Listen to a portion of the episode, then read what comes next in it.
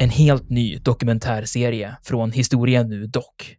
Av Kristina Ekero Eriksson och Urban Lindstedt. Det här är Vikingen i världen. Vikingarna, de var inte något främmande folk. Sannolikt är det ett slags tempel, ett kulthus helt enkelt. Enligt legenden så är rykiderna skandinaver. Från skeppet och bränslet och slavinnan och hennes herre hade blivit till aska. Du hör dokumentären på historia.nu eller där poddar finns.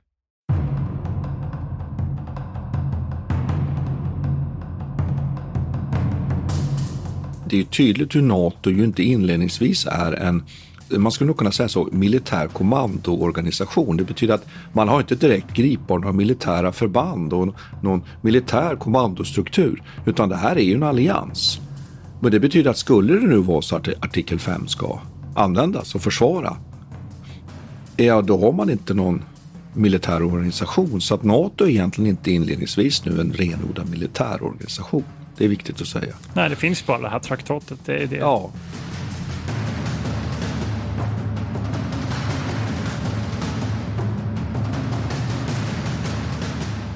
Militärhistoriepodden är podden om krig med människor och samhället i fokus. Programledare är Martin Hårdstedt, professor i historia vid Umeå universitet och Peter Bennesved, doktor i idéhistoria. Podden ges ut av förlaget Historiska Media. Stöd gärna MH-podden via vårt swishnummer 123 610 76 68. Märk betalningen med MH-podden.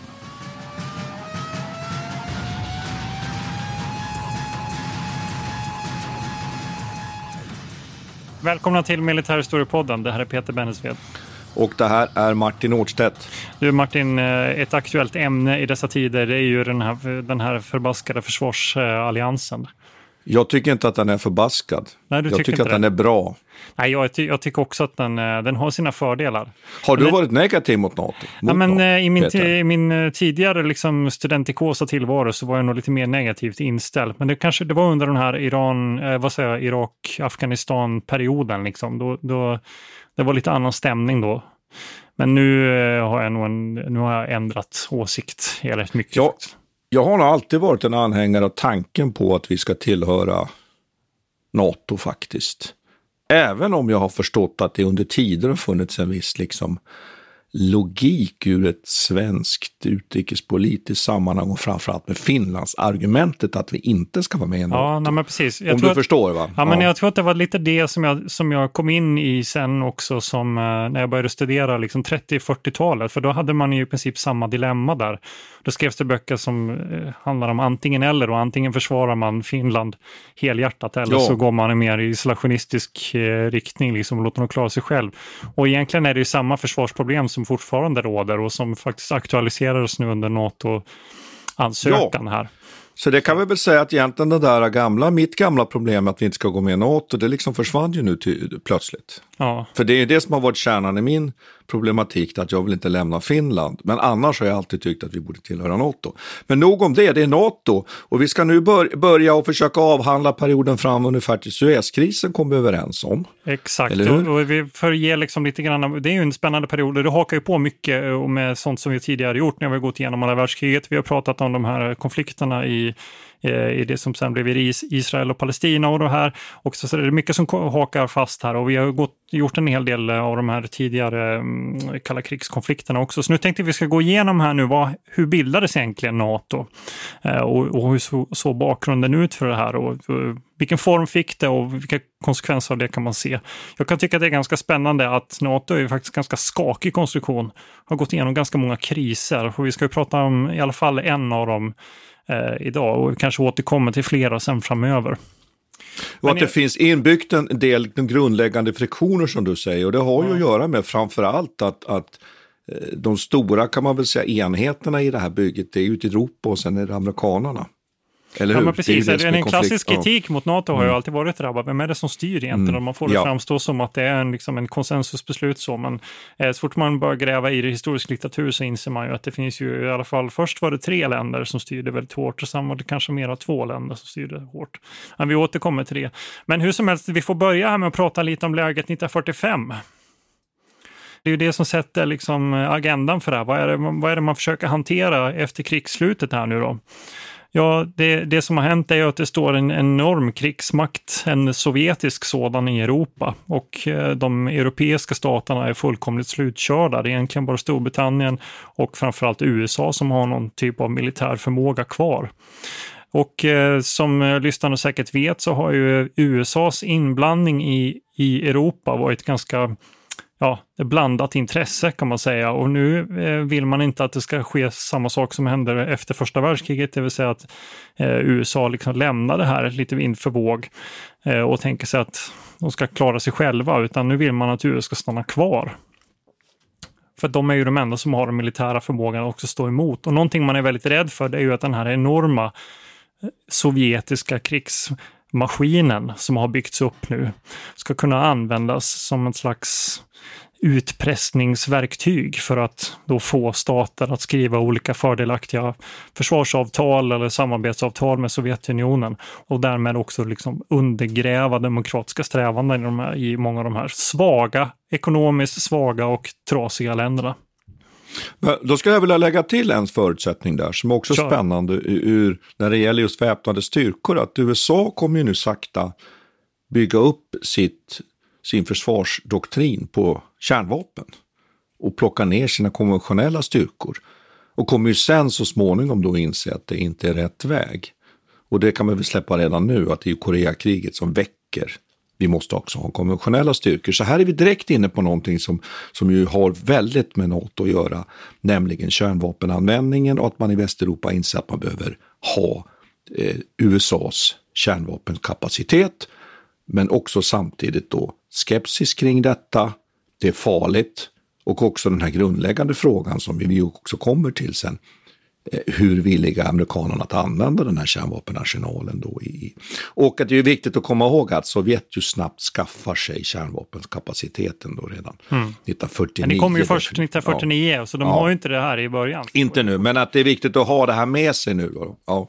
Jag tycker, apropå det Martin, så, så vet jag att det finns eh, mycket härlig litteratur från den här tiden, eh, när man spekulerar i en sån här världsorganisation, en world government styrd av att USA, man hoppas då att USA ska lämna över sina kärnvapen till FN.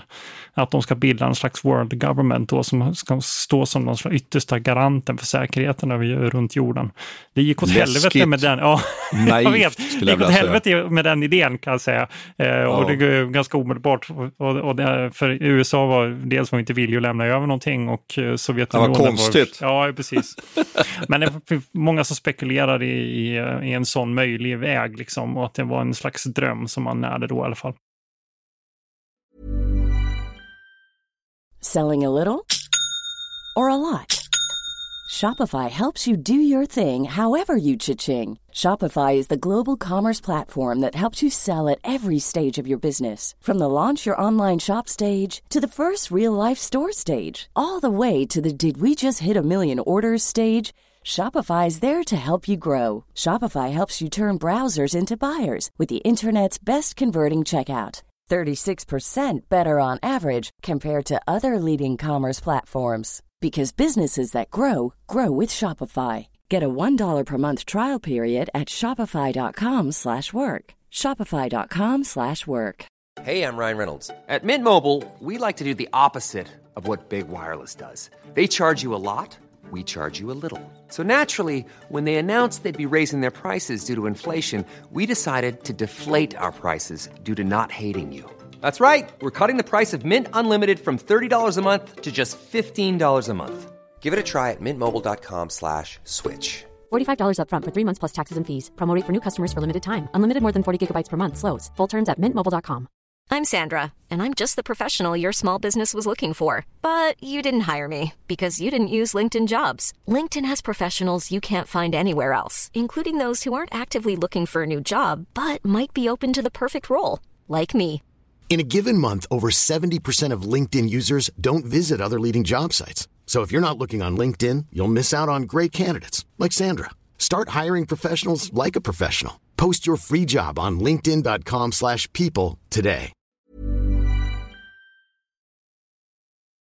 Ett av de första stegen i de här, eh, i de här strävandena att skapa säkerhet i Europa efter kriget det var Dunkirk-fördraget. Det var ett fördrag som skrevs 1947 mellan Frankrike och England och egentligen fortsättning på deras Entente Cordial från 1904. Det var som en slags fortsättning på det samarbete som man har byggt upp. Får man kasta in en grej direkt ja, kör, där faktiskt? Kasta in en grej där. jag tycker det är så lustigt att det heter Dunkirk-fördraget, för det är ju nämligen den plats där ju fransmännen under andra världskriget menar att britterna sviker dem genom att de evakuerar sin armé. Då. Och där vet ju lyssnarna att det har att göra med det här snabba förloppet med Tysklands framgångsrika anfall då i maj 1940. Så jag tycker bara det är en liten intressant twist och jag funderar lite på, är det något försök att, att lappa ihop det här? Det är bara en spekulation. Ja, jag vet inte. Det, jag kunde inte låta bli att komma med den här kommentaren. Nej, precis. Det, jag tänkte lite, också på det. Det är Det är lite lustigt. Ja, det är lite lustigt. Kan, kan vara så. Men kör. Och fortsättningen på det här då, ganska snart året efter, eh, så, så skriver man på någonting som heter Brysselpakten eller Brysselfördraget och då drar man även in Beneluxländerna. Och det här är ju då intressant och ett sätt att försöka lösa ett problem som man har haft sedan tidigare, är att de här Beneluxländerna, eh, framförallt Belgien och eh, Holland, eller Nederländerna, vad ska man säga egentligen Martin? Jag vet inte. Nederländerna och Holland, Ja. vad brukar du köra med? Ja, jag kämpar ju med det där och egentligen är det mest korrekt med Nederländerna för att Holland är ju egentligen per definition en del av Nederländerna. Ja, just det. De Och- kanske blir- det är om någon man nu ska vara exakt. kränkt. Va? Men, men om jag får säga det där, så Ja. det, är ju- det kan ju vara bara för, för att vara, vara exakt här, det är alltså fem stater, det är då Storbritannien, Frankrike, Nederländerna, Luxemburg som man funderar på vad de bidrar med där, men då kanske jag var, får kritik för det där, men, och Belgien, så då är det sagt. Men det är ju fem stater precis Exakt. Mm. Och eh, de har ju tidigare försökt ha en, en eh, neutral ståndpunkt då, så den skulle ju garanteras av Storbritannien och det här vet vi hur det leder till problem. Och nu så har man accepterat att det här är ohållbart. Vi måste försöka bygga en, en västlig allians eh, från början där alla är med. Mm. Eh, Men vet lyssnarna vad, det där, vad, vad du anspelar på? Där? Ja, jag vet Nej, jag, kanske Nej, inte. eh, vi, kan ju, vi kan ju bara Ja, snabbt ta kör. det här. Så, och det är ju det att Belgien ju väljer neutraliteten några år före andra världskrigets utbrott. Och det blir ju ett jättestort problem. Man inser att det, det hjälper dem ju inte. Och i flera av de här småstaterna som inser att deras neutralitet, den, den kommer man kasta på skräphögen, för den var inte värd något. Och det är det som du anspelar på här, att man har den erfarenheten. NATO handlar ju mycket om att stater ansluter sig till NATO därför att man har eh, traumatiska upplevelser av andra världskriget, eller hur? Ja. Så kan man säga. Och det är de här länderna nu som är med i Brysselfördraget som kommer, tillsammans med USA och sen så kommer bilda liksom kärnan egentligen i, i det som eh, ja, försvaret för Europa så att säga, mot, mot Sovjetunionen. Det, det skrivs inte ut på en gång att det är faktiskt Sovjetunionen man är rädd för, men det är det som ligger som en slags underkontext här. Sen kommer lite andra länder också vara med här i nästa steg. Men det är detta, kan man säga, som utgör egentligen kärnan i det som blir sen NATO. Och sen hände lite saker i USA under den här tiden. Det är nu som de intressanta vändningarna sker. Där. För nu är det fortfarande eh, inte säkert om USA kommer vara med på det här eller inte. Och det förs väldigt mycket förhandlingar i, i Europa om detta och man bjuder in eh, delegater från USA. Men det finns ett val här också. 1948 så Truman har ju gått in som vicepresident efter att Roosevelt har dött. Har dött. Eh, men nu kommer han också gå till val och han kommer vinna detta val. Och Truman är ju faktiskt väldigt positiv då till, en, till att bilda någon slags allians med de europeiska staterna. Medan hans motståndare, som jag tyvärr inte minns namnet på nu, han är betydligt mer konservativ och tycker att USA ska behålla sin isolationistiska politik som man haft sedan tidigare, det vill säga att inte hjälpa till med det här.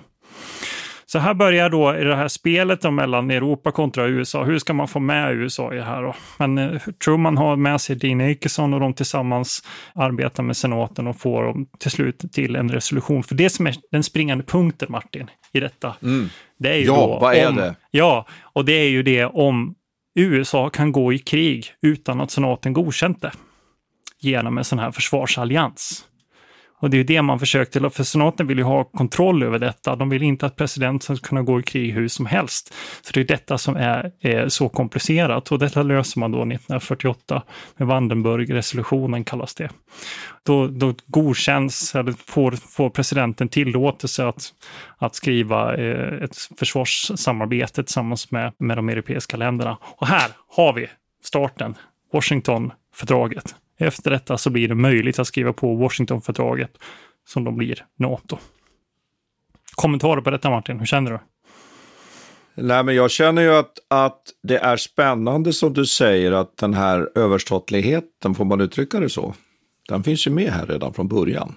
Nämligen att det är någonting annat som triggar en nation att sätta igång krig, som är i fallet USA.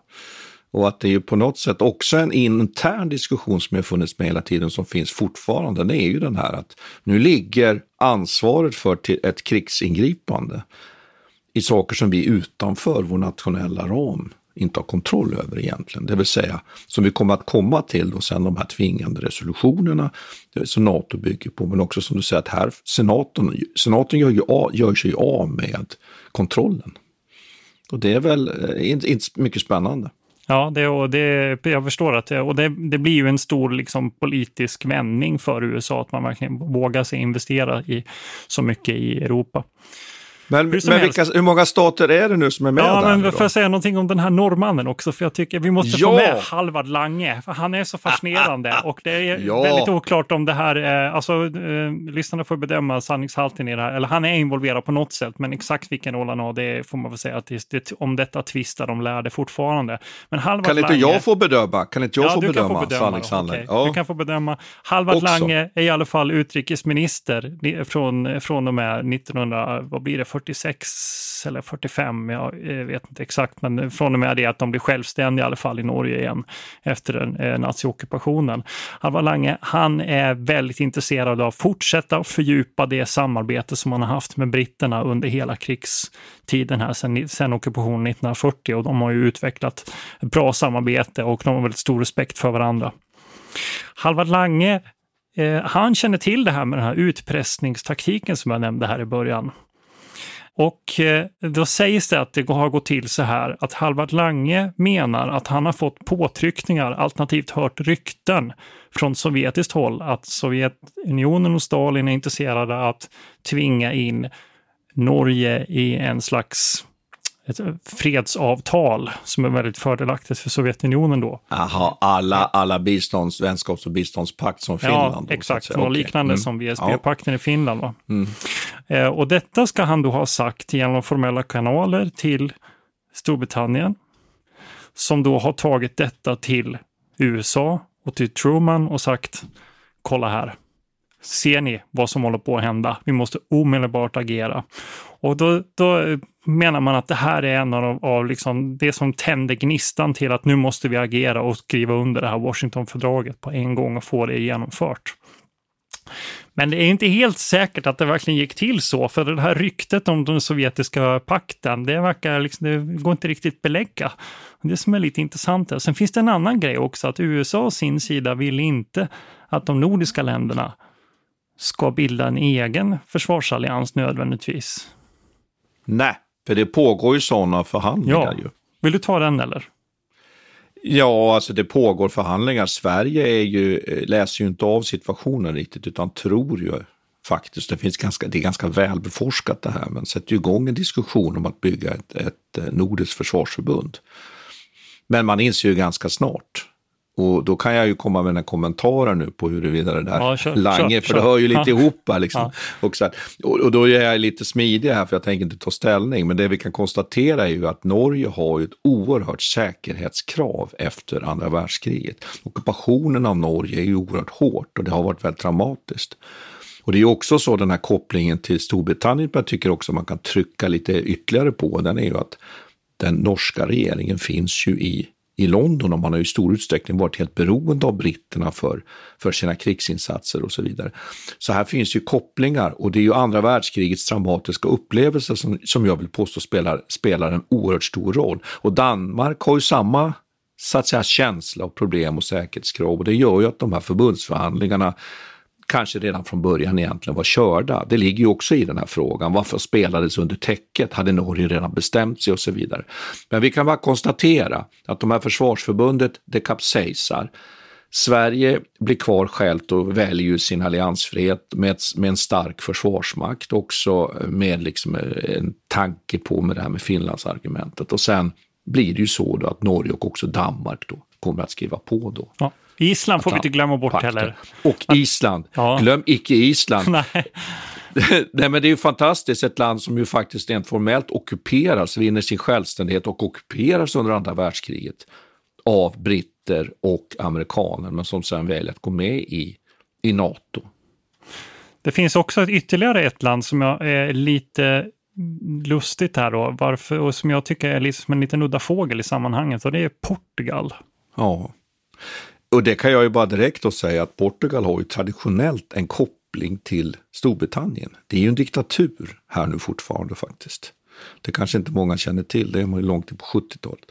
Och att man ju faktiskt har en, en intressant via vattenvägarna koppling till Storbritannien, att man till och med under, under Napoleonkriget är ju en av de allierade som britterna stöder sig på tillsammans med Sverige och, och kungariket Neapel. Nu är vi långt tillbaka i historien, men, men det finns en historisk tradition. Och det, är spännande. Det, ja, men det är faktiskt spännande och jag tror att det spelar in här. Att Portugal på något sätt uppfattar sig som en, kan man säga så, en atlantnation. Just det. Och, och ju att Spanien ju omöjligtvis är så intresserade, därför att de har ju under den här tiden så är det så att Franco fortfarande vill ju isolera Spanien utrikespolitiskt. Och vill inte förstås, ge sig in. Ja, det, en tradition logiskt. som var en linje i hans politik eftersom ja. han inte ens med inviterna från Hitler under alla världskriget är intresserad av. Så att här har vi två länder som på Iberiska halvön driver utrikespolitik på två helt olika sätt. Det tycker jag är spännande. Verkligen, jättefascinerande. Och det är klart att det är rätt logiskt när du säger det, ja det är ju en atlantnation. Ja det är klart, på det viset så har de ju till ja, alliansen. De ja, men, de har, men, men, rent politiskt ställt så står de ju, alltså inrikespolitiskt är det ju en diktatur och, och inte alls liksom ja, eh, ja. står inte men, så nära jag... de andra. Men det var intressant, jag, jag, för, för jag har hört det där argumentet om att det är hamnarna och eh, Azorerna, de här flygbaserna på Azoren som britterna fått tillgång till efter, under mitten av eh, andra världskriget här, de har varit viktiga. Och det förstår man, är logiskt, de ligger bra till. Eh, och också att man ville säkra europeiska hamnar så, eh, så mycket som möjligt då, för de är ju, det har vi ju också lärt oss från andra världskriget, att Antwerpen, eh, Rotterdam och de här känsliga områden som, som Ja. Ja, precis. Och sen, sen kan man väl nämna, tycker jag, eller nämna, det är ju också viktigt centralt, Kanada kommer med här. Också. Just det. Och en stor nation till i Europa, Italien. Italien kommer med också. Och då är vi uppe i hur många stater? Jo, vi är uppe i 12 stater nu. Som, som finns med. Alltså USA, Kanada i Nordamerika. Sen är det då Belgien, Frankrike, Luxemburg, Nederländerna, sen är Island, Norge, Danmark, Italien, Portugal och Storbritannien. Jag tror jag fick med allihopa här nu, och Frankrike. Ja. Så där har vi nu laguppställningen. Just 12 det. stater. Ja.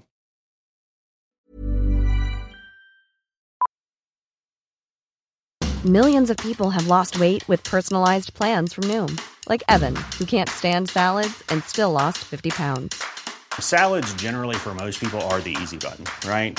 For me, that wasn't an option. I never really was a salad guy. That's just not who I am. But Noom worked for me. Get your personalized plan today at Noom.com. Real Noom user compensated to provide their story. In four weeks, the typical Noom user can expect to lose one to two pounds per week. Individual results may vary. Quality sleep is essential. That's why the Sleep Number Smart Bed is designed for your ever evolving sleep needs. Need a bed that's firmer or softer on either side? Helps you sleep at a comfortable temperature? Sleep Number smart beds let you individualize your comfort so you sleep better together. JD Power ranks Sleep Number number 1 in customer satisfaction with mattresses purchased in-store. And now, save 50% on the Sleep Number limited edition smart bed for a limited time. For JD Power 2023 award information, visit jdpower.com/awards. Only at a Sleep Number store or sleepnumber.com. I'm Sandra, and I'm just the professional your small business was looking for. But you didn't hire me because you didn't use LinkedIn jobs. LinkedIn has professionals you can't find anywhere else, including those who aren't actively looking for a new job but might be open to the perfect role, like me. In a given month, over 70% of LinkedIn users don't visit other leading job sites. So if you're not looking on LinkedIn, you'll miss out on great candidates like Sandra. Start hiring professionals like a professional. Post your free job on linkedin.com/people today. Ska vi prata lite om själva fördraget där också? Ja. Jag tycker att det kan vara intressant att säga vad är, står det egentligen i de här? Och de, de, eh, det brukar ju refereras ganska ofta till de här artiklarna. Eh, framförallt är det väl artikel 5 som brukar hänvisas till att det är den, eh, där, stå, där står det ju utskrivet att en attack, en attack mot ett medlemsland en, ska betraktas som en attack mot alla. Och man har skyldighet att bistå. Ja, man har skydd, ja, ja, precis. Man har skyldighet att bistå, men man får själv göra bedömning på vilket sätt. Det är det som är, och det är lite dubbelt faktiskt tycker jag med de här fördragen och det är väl liksom resultatet av en kompromiss. Men i alla fall, jag tänker att jag ska säga någonting om de sex första för det är de som är mest intressanta. Det finns ett gäng till va, som, som liksom stipulerar olika eh, ja, tolkningar av det här. Eh, men framförallt är det ju den första då är ju att parterna förbinder sig att lösa konflikter fredligt och i enlighet med FNs stadga. Ja, och då vill jag bara direkt Ja, kommentera kör. och säga ju att NATO binds ju upp mot FN direkt. Det är lite spännande tycker jag, för FN är ju en, en global organisation, eller tänkt att vara det i alla fall. Men här ser man ju att man försöker bygga också på något sätt ett, får man säga så, ett världssäkerhetssystem. Kanske Mm. går för långt, men det finns en intressant att man kopplar upp det mot FN. Och att det också är, det är ju de, de demokratiska staternas, det är ju det, det är ju demokrati som ska Exakt, som och ska mänskliga rättigheter och den Men, typen Ja, av... precis. Så det tror jag är viktigt att komma ihåg här Mm. från början. Och Att man ska lösa, lösa konflikter i, eh, på ett fredligt sätt Ja. och sådär. Och det är ju Ja. en intressant dynamik här nu, för sen, sen kommer det ju uppstå situationer där man kan vara oense i FN, men ense i NATO. Och det är Ja. lite, och det spelar emellan. I alla Och då fall, får jag bara lägga till att i vår egen tid så har ju sen också börjat FN-insatser, NATO-insatser. Ja, Men det kommer vi kanske till i vårt nästa Ja. avsnitt om, om Ja. FN. Ja, nej, och förlåt, om NATO. Mm. Precis, Nej, men, och det, det finns med här. Då. Eh, nummer två det är att man ska bidra till den fortsatta fredliga utvecklingen, stabilitet, välfärd och det är liksom en, en del av det här politiska eh, arbetet också. Att det, det här är inte bara en försvarsallians, det, blir, det bildas ganska snabbt en idé om någon slags politisk utveckling också. Så den är viktig det här. En tredje tycker jag är intressant som är intresserad av civilt försvar, för det är den som handlar om liksom statens egna förmåga att motstå tryck eller yttre tryck och eh, och egentligen handlar det om att de enskilda staterna då inte ska skriva separata freder. Och den låter så här, utveckla sin egen förmåga tillsammans och individuellt då så ska man liksom bygga sin egen resiliens. Det begreppet använder man idag, det använder man inte då, men det är så man formulerar det nu. Att man ska liksom klara sig, man ska vara en stark stat på något vis. Man ska bygga upp Robust robusthet. brukar man ja, man ska Ja. vara robust både militärt och civilt och det ingår i detta. Då. Eh, Och Ja, det finns mycket att säga om det. Det blir ett eget avsnitt för någon annan gång. Men det där finns med i alla fall. Och det, och det är väldigt tydligt just i den artikeln också hur kluvna man är. Att å ena sidan så hänvisar man till det individuella och å andra sidan hänvisar man till det kollektiva. Och det har att göra med att hur en sån här robusthet uppnås, det är ingen som kan komma överens om inom NATO. Så därför har man de här vaga formuleringarna. Alla har helt olika uppfattningar om vad till exempel som är eh, civil resiliens och civil robusthet och hur man ska sköta det militära också för den delen. Och sen är artikel 4, det är samrådsartikeln. Eh, Och den är intressant då för att det här, här skrivs det in att de olika medlemsstaterna ska få möjligheten att, att tillkalla rådet eller be om, be om eh, råd för hur man ska hantera en, en kris som har uppstått. Och den här har använts flera gånger. Och det landet som är flitigast med att använda det är faktiskt Turkiet. De har använt den här mest eh, i olika situationer sen under kalla kriget, det kanske vi kommer till vidare. Men det har också blivit en, liksom en out of area-artikel. För så fort de här medlemsländerna har, har försökt behövt hantera kriser som är lite grann utanför det europeiska och eh, atlantiskt, eh, atlantiska området, då är det oftast artikel 4 som har blivit inkopplad. Men det har ju att göra med att Turkiet har ju en, eh, ett konfliktområde eh, som ju angränsar till Mellanöstern. Som ju skapar den där problematiken som du just är inne på. Precis, och vi kommer till det nu. Ska säga. Först är det då artikel 5, det nämnde jag innan. Eh, och det handlar ju om att en attack mot ett, mot ett land är en attack mot alla. Så det behöver vi inte oroa oss mycket mer om. Det, det är ju den som, som man vill ha så att säga på sin sida. Och sen är det den sjätte då som jag tycker är rätt intressant. För här stakas det ut den geografiska begränsningen. Eh, och här ska det gälla Europa, Nordamerika, norr om kräftans vändkrets och sen ett land till. Algeriet. Vad är grejen med det? Varför är Algeriet med? Det ska jag förklara för dig. gör det. Nej, det är ju för att det är ju fransmännens egentligen enda eh, kraftfulla eh, fortfarande då besittning. Om man då bortser från Indokina som man ju sen så att säga är tvungen att retirera ifrån. Men det är ju för att man menar att Algeriet då är Ja, det finns ju lite andra områden som men kanske, men det är, det är i huvudsak det som är kvar av det franska. Och att Algeriet ju är ett stort problem.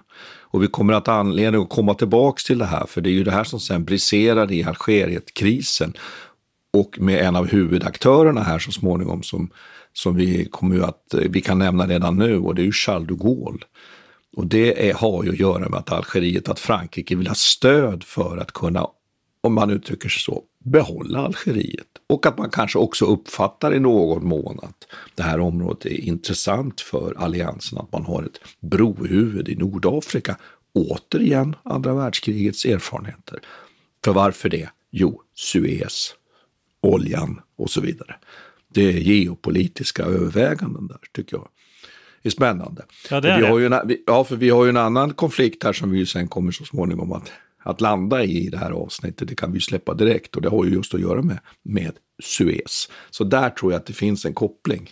Men jag håller med om att det är lite, eh, kan man, kan man använda uttrycket, uttrycket apart plötsligt liksom? Ja, Ja, det är lite vet märkligt, eller lite, vadå, varför Algeriet? Men det är förklaringen. Ja, Det precis. Man fattar att det, det finns någon slags eh, kompromiss här i bakgrunden. Ja, att man, och det finns en koppling om fransmännen och, och så vidare. och så Mm. vidare. Mm. För det är ju ett problem här nu då med det här, om första artiklarna som handlar om den politiska kopplingen till Ja. FN, självbestämmande, mänskliga Mm. rättigheter. Men både Frankrike och Storbritannien, de har inte varit, de har inget bra track record på det här, för de har fortfarande sina kolonier. Eh, Och det Ja, finns, eller delar av dem kvar. Ja, precis. Jo. Delar av Mm. det, det, de är, ju- det påbörjas ju en slags avvecklingsperiod här nu som kommer ta 50-60 år innan och till viss del är den ju fortfarande inte över kanske. Och USA är ju väldigt emot det här också och de har ju, tar ju en annan roll sen eh, i, i i utrikespolitiken gentemot Mellanösternländerna. Så, så det syns ju i den där lilla Algeriet-grejen så syns ju också den här konflikten. Det har ju att göra med, som du säger nu här, avkoloniseringen också. Det är ju globala strukturer nu som är på gång också. Precis som du säger, att där har man lite olika uppfattning från amerikansk sida. Men jag skulle också vilja säga en sak, att det är ju tydligt hur NATO ju inte inledningsvis är en man skulle nog kunna säga så, militär kommandoorganisation. Det betyder att man har inte direkt gripbar några militära förband och någon militär kommandostruktur, utan det här är ju en allians. Men det betyder att skulle det nu vara så att artikel 5 ska användas och försvara, ja då har man inte någon militär organisation. Så att NATO är egentligen inte inledningsvis nu en renodlad militär organisation. Det är viktigt att säga. Nej, det finns bara det här traktatet. Det, är det. Ja, Det, Ja. det, det, de finns för, för övrigt fint inskannade, så om man vill titta på dem så kan man bara man kan googla upp det där. Och det står jättemycket information också på NATOs hemsida. Så det finns gott om eh, källor om man vill kika på. Mycket bilder också från när de skriver på och, och sådär. Men det var en bra övergång där Martin, för nu tänkte jag att vi ska prata lite om vad som händer nu de närmsta åren här efter att man har skrivit på. Det, här, det skrivs ju på i Washington eh, 1949 och eh, av tradition så ska man skicka alla handlingar till USA tydligen just av den här. Det är de som sparar allting. Det har hamnat på deras bord tydligen och det har att göra med att det skrevs under där. Och antagligen är väl också ett bevis på hur eh, hur viktigt det är att USA är med i det här. För att det är liksom, om inte de är med och garanterar säkerheten, under, i alla fall under den här perioden, och då finns i princip inget NATO, då finns det inget skydd överhuvudtaget. I alla fall, det finns ingen militär organisation som du säger, det här är bara ett, det är bara ett fördrag. Det kommer ta några år innan man faktiskt börjar bilda och då är det framförallt en grej som händer. Eh, och det är ju Koreakriget. En liten grej händer. Ja, den har vi inte gått igenom någonting. Vi har Nej, inte vi har gjort något inte- avsnitt. Nej. Det får hända inom, eh, i närtid, känner jag. Men det, det finns ett skäl till att vi inte vågar ha, ta Koreakriget i den här podden. Alltså, finns det det? Ja, det är att min, eh, min, min mycket gode vän och bästa kollega uppe på Umeå universitet, Jakob Stridsman, är expert på Koreakriget och jag förväntar mig förödande kritik. Ja, det är Men det där. vi- det är därför- Annars Nej, tänker jag- man att du har gott självförtroende i det där. Alltså, Ja, jag funderar på om vi kanske till, man kanske skulle snarare bjuda in honom. Men så kan det vara faktiskt, bästa lyssnare, att även vi eh, inte vågar ge oss på allting. Men skämt åsido, Koreakriget kommer. Och får jag, får jag säga några bara Ja, rappa kör, saker om det? Varför ber jag om lov hela tiden? jag kan förstår kan du säga om, du, jag jag vill att du berättar om Eisenhower sen också, men uh, kör. Men det tar vi sen. Eh, Viktigt med Koreakriget bara snabbt. Det är en konflikt på koreanska halvön och handlar ju om Nordkoreas anfall på, på Sydkorea. Vi behöver inte orda så mycket mer om det. Kommer som en chock. Amerikanerna inser plötsligt, oj, vi har inte någon armé. Man blir tvungen att kalla in veteranerna från andra världskriget. Man är på väg att lägga ner marinkåren. Den blir kvar eh, och så småningom så börjar man föra konventionell krig i Korea med stora, stora insatser och stora förluster kan man ju säga då. Eh, och det får vi ta i något annat avsnitt, men det här väcker ju hela den här organisationen och man inser ju plötsligt i NATO att oj, det räcker inte, vi måste bygga upp en, en, en militär kommandoorganisation. Att vi har helt enkelt kontroll, kontroll och vet vad vi har att sätta in och att vi har helt enkelt banat väg med, med kanaler för att kunna leda helt enkelt. Och den första överbefälhavaren ju då för, för det här NATO som nu sjösätts som militär organisation, det är ju just Eisenhower. Eisenhower, ja. Som blir då chef för de här samlade styrkorna som ska möta, det behöver man inte hymla om, Sovjetunionen i Europa om det blir ett krig i Västeuropa. Nu börjar planeringens tid och det är någonting ja. som... Eh, alltså, 1951, då, ja, då sätts... Jag kan säga att jag, jag har suttit på, på dragningar om, om NATOs eh, organisation och hur den ser ja. ut och hur den fungerar under den senaste tiden. Uh, och det är komplext. Är det komplicerat? Alla deras kommittéer och uh, hela den här planeringsstrukturen som krävs. De, de uppdaterar ju sina koncept lite då. Jag tror det, fort, det första kommer 1948 faktiskt, men sen uppdaterar de där med jämna mellanrum. Uh, men här, här skönjer man ju också en, en, en, början på någonting som kommer bli en stor konflikt mellan medlemsländerna. Det är ju vem som ska leda det här egentligen. Och, och högkvarteret finns utanför Paris. Ja, det är spännande. Ja. Eh, och, det, och sen sätts Eisenhower där, en amerikan. Ja. Eh, och så man, man förstår redan nu att eh, vilken, eh, vilken eh, fransman som helst med rak rygg och heden i behåll kommer inte gilla det här. Nej, så är det. Och, och, det, kommer, det kommer utvecklas till en, till en eh, lång, långvarig kris som håller i sig hela vägen fram till eh, 2000-talets början faktiskt innan. Men det, det, kan vi ta senare. Men i alla fall, Koreakriget eh, tvingar fram den här oet i NATO helt enkelt det blir, det blir en organisation och det blir, de har ett, ett högkvarter och de har en, militär planering och de har en utsedd eh, befälhavare och allt det här. Så det här kommer under början av 50-talet egentligen. Så det, i, i, I början fanns inte det alls. Och det är intressant att tycka att det här, det här växer fram lite ad hoc egentligen. Man vet inte riktigt hur man ska organisera det här stora. Man har erfarenhet av att arbeta tillsammans. Många av de som är i ledande skikt här, Lord Ismay, eh, Macmillan i, eh, i, i Storbritannien och Eh, Eisenhower och även Montgomery kommer ju bli han kommer ju bli nästa sakör sen när Eisenhower eh, blir president i USA. De känner ju varandra sen den här, ja men sen, sen Normandie och, och eh, arbetet under andra världskriget. Så det, är, det, finns ju ett slags kamratskap i botten också som är intressant och de utvecklar det här tillsammans. Men, men i alla fall, men, ja, ja, vill ja, säga. Alltså jag måste bara få skjuta, dels vill jag bara berätta att jag ska åka till Normandie snart igen och se på landing beaches, bara en sån grej. Det är ju bara mest egentligen för att reta alla som inte får åka dit. Men eh, jo, syftet med NATO och alliansen är att hålla Sovjet ute, amerikanerna inne och tyskarna nere. Ja, det är en klassiker. Det tycker jag är så klassiskt, eller hur? Eh, det, jag, jag vet det finns väl lite tveksamheter i vilken mån det är Lord Ismay ja. som ska ha sagt det där. Ja, ja. Men, men, det ska ha skett i ett informellt tillfälle. Men ja, det, men det är ju som alla sådana här saker. Det, det, det, mm. det, men det, på något sätt så förstår man ju lite vad som är så kärnfullt i det där. Att, att det gäller ju att, jag menar naturligtvis Sovjet, men att man, man, amerikanerna måste vara med. Eh, och sen så har man ju fortfarande, vilket jag tycker är spännande här, och vi kommer ju nu alldeles strax här just till att det, det sker ju nu en förändring där, att inledningsvis är det så att man fortfarande har ju på något sätt ett problem med Tyskland. Och det här är ju då i början, precis när det stiftas då. Men när vi har kommit så här långt fram så börjar ju där förändras. Eller hur? För vi kommer ju nu till en punkt där ju faktiskt Tyskland ska in här. Men jag skulle vilja lägga till en sak till här och det är att 1952 kommer det med två stater till på NATOs, det man kallar för högra flank. Som är ju väldigt betydelsefulla just som jag säger strategiskt och operativt i händelse av ett krig, att man liksom på något sätt har ett flanktryck, får man uttrycka så, på Sovjet och det är ju Grekland och Turkiet. Och de har vi anledning att återkomma till sen i nästa avsnitt i NATOs historia, nämligen för de kommer ju att ha en uppgörelse kan man väl säga. Ja, en del av Truman-doktrinen och det sägs ju också i litteraturen då att eh, det är eh, Truman egentligen bara som kräver det eller som propagerar för att de... Och det får man ju också fundera på, det här med medlemskap i NATO är ju lite tveksamt. Ibland, ibland så hänvisas till demokratiska principer, men lika ofta så känns det som att det är i stort sett strategiska övervä militärstrategiska överväganden som gör att en del av de här staterna kommer med. Det känns ju oerhört aktuellt i dessa tider. Ja, verkligen. Och det, det får man ju också leva med de konsekvenserna sen, att man har helt olika typer av politiska kulturer och helt annat sätt att hantera utrikespolitik politiken.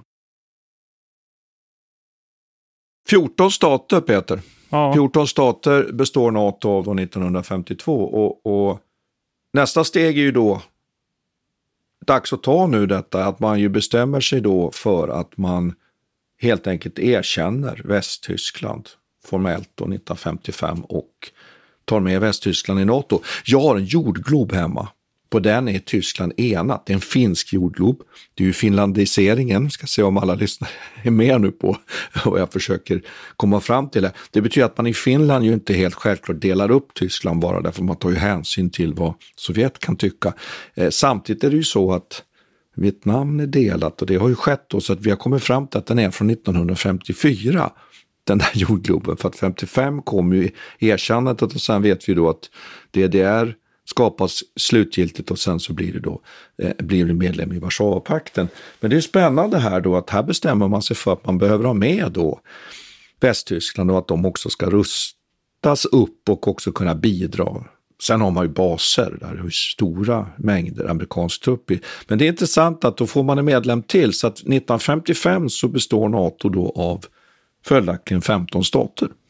Precis, och nu sker någonting annat också. Stalin har dött eh, och, och det, det ger Sovjetunionen en liten förändrad roll här. De, de, kommer, jag vet vi pratade om det när vi höll på med Suezkrisen och som, som vi tänkte vi komma fram till det här nu då att Eh, någonting som kommer ske i, efter att Stalin dör är att man kommer försöka lite mer fredssträvanden gentemot Europa, men man kommer också söka sig partners mot Mellanöstern. Så att i takt med att det här utvecklar sig, eh, 50-talet utvecklar sig egentligen, så kommer att de här konfliktområdena skjutas ut till Mellanöstern och eh, Nordafrika och även borta i Asien. Eh, och det blir en del av Truman-doktrinen också, att man försöker förhindra detta.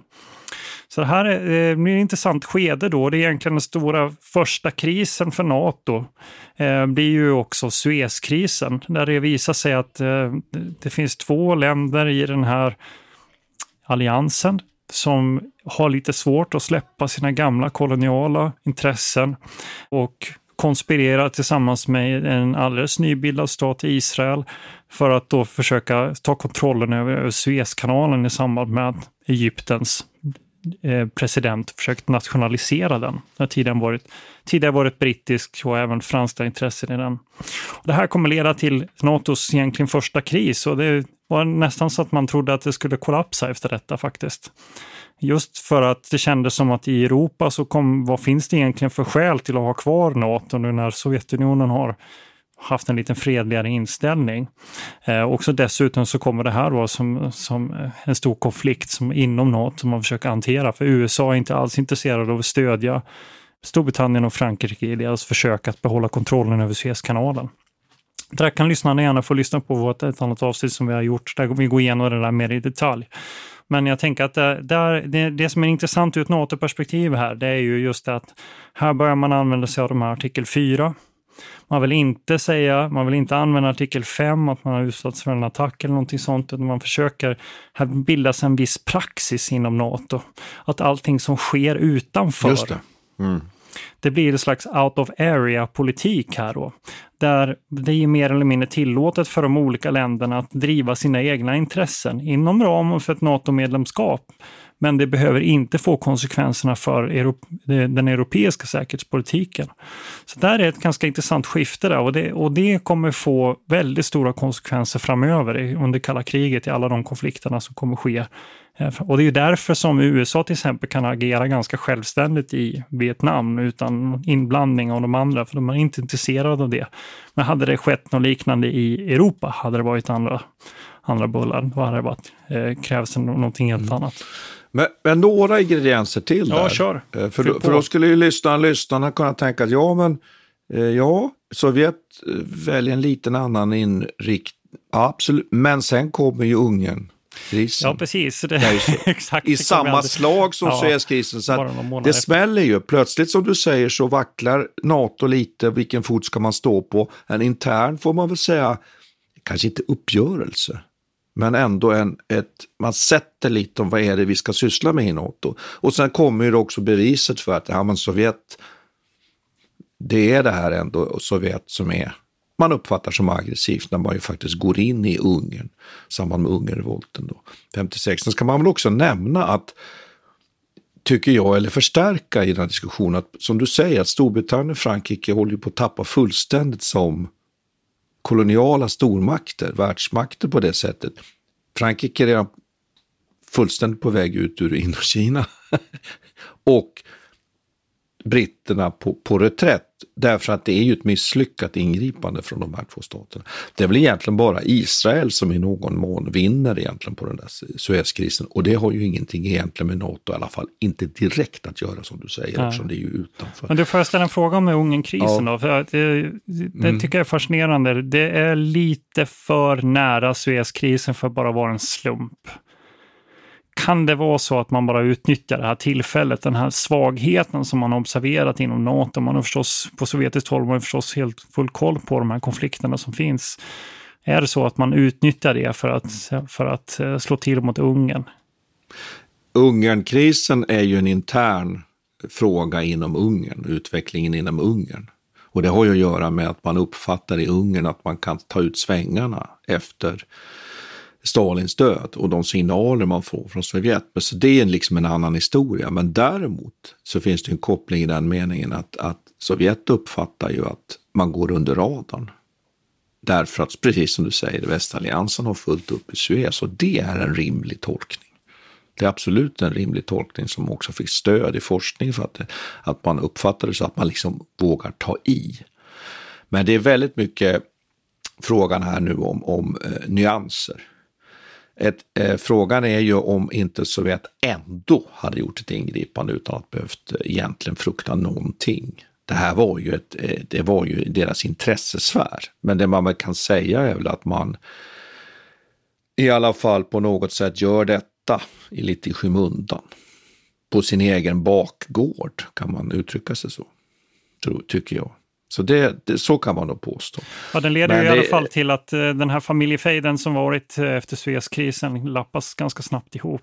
Eh, och man Ja, kan börja samarbeta i alla fall. Ja. Men du, jag tänker att vi, jag tycker vi kan summera det. Nu har vi gått igenom ungefär, det så här, ungefär så som NATO föddes. Och jag Ja. tänker vi får fortsätta på det här i, i, i I, nästkommande I del avsnitt. två tänkte vi. Ja, och då kan vi väl släppa att vi har några eh, läckergom saker här. Vi är ju väldigt intresserade av sånt här. Jag nämnde de Gaulle. Vi ska ha, ta upp frågan om Frankrikes vilja att, att leda åt ett annat håll. Vi har en parallellorganisation också, VEU här.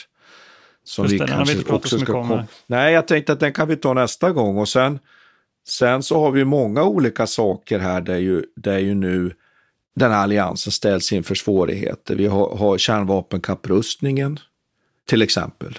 Och vi tänkte försöka föra det här då in i, i nutid också. Och landa och spekulera lite kring, kring den här frågan om det svenska medlemskapet. Det blir bra Martin. Jag tror att vi, vi drar ett streck där. Tack ska vi ha. Ja, tack ska vi ha. Och så hörs vi nästa Hörs vi. gång. Vi tackar Peter Bennesved och Martin Hårdstedt. Kontakta gärna Militärhistoriepodden via mejl på militarhistoriepodden historia.nu. Peter och Martin vill gärna få in synpunkter och förslag till programidéer.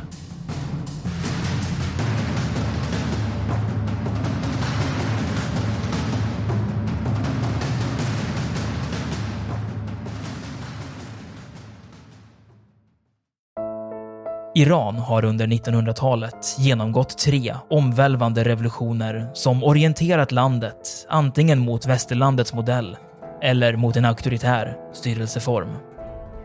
Idag pågår en social revolution i landet som vänder sig mot det islamistiska styret och vars anhängare har Europa och väst som förebilder. I en viktig bok ger idéhistorikern Mohammad Faslashemi en djupare förståelse för dagens dramatiska händelseutveckling. Iran mellan tre revolutioner är utgiven av förlaget Historiska Media. Beställ den fysiska boken på förlagets hemsida historiskamedia.se eller köp den i en bokhandel nära dig.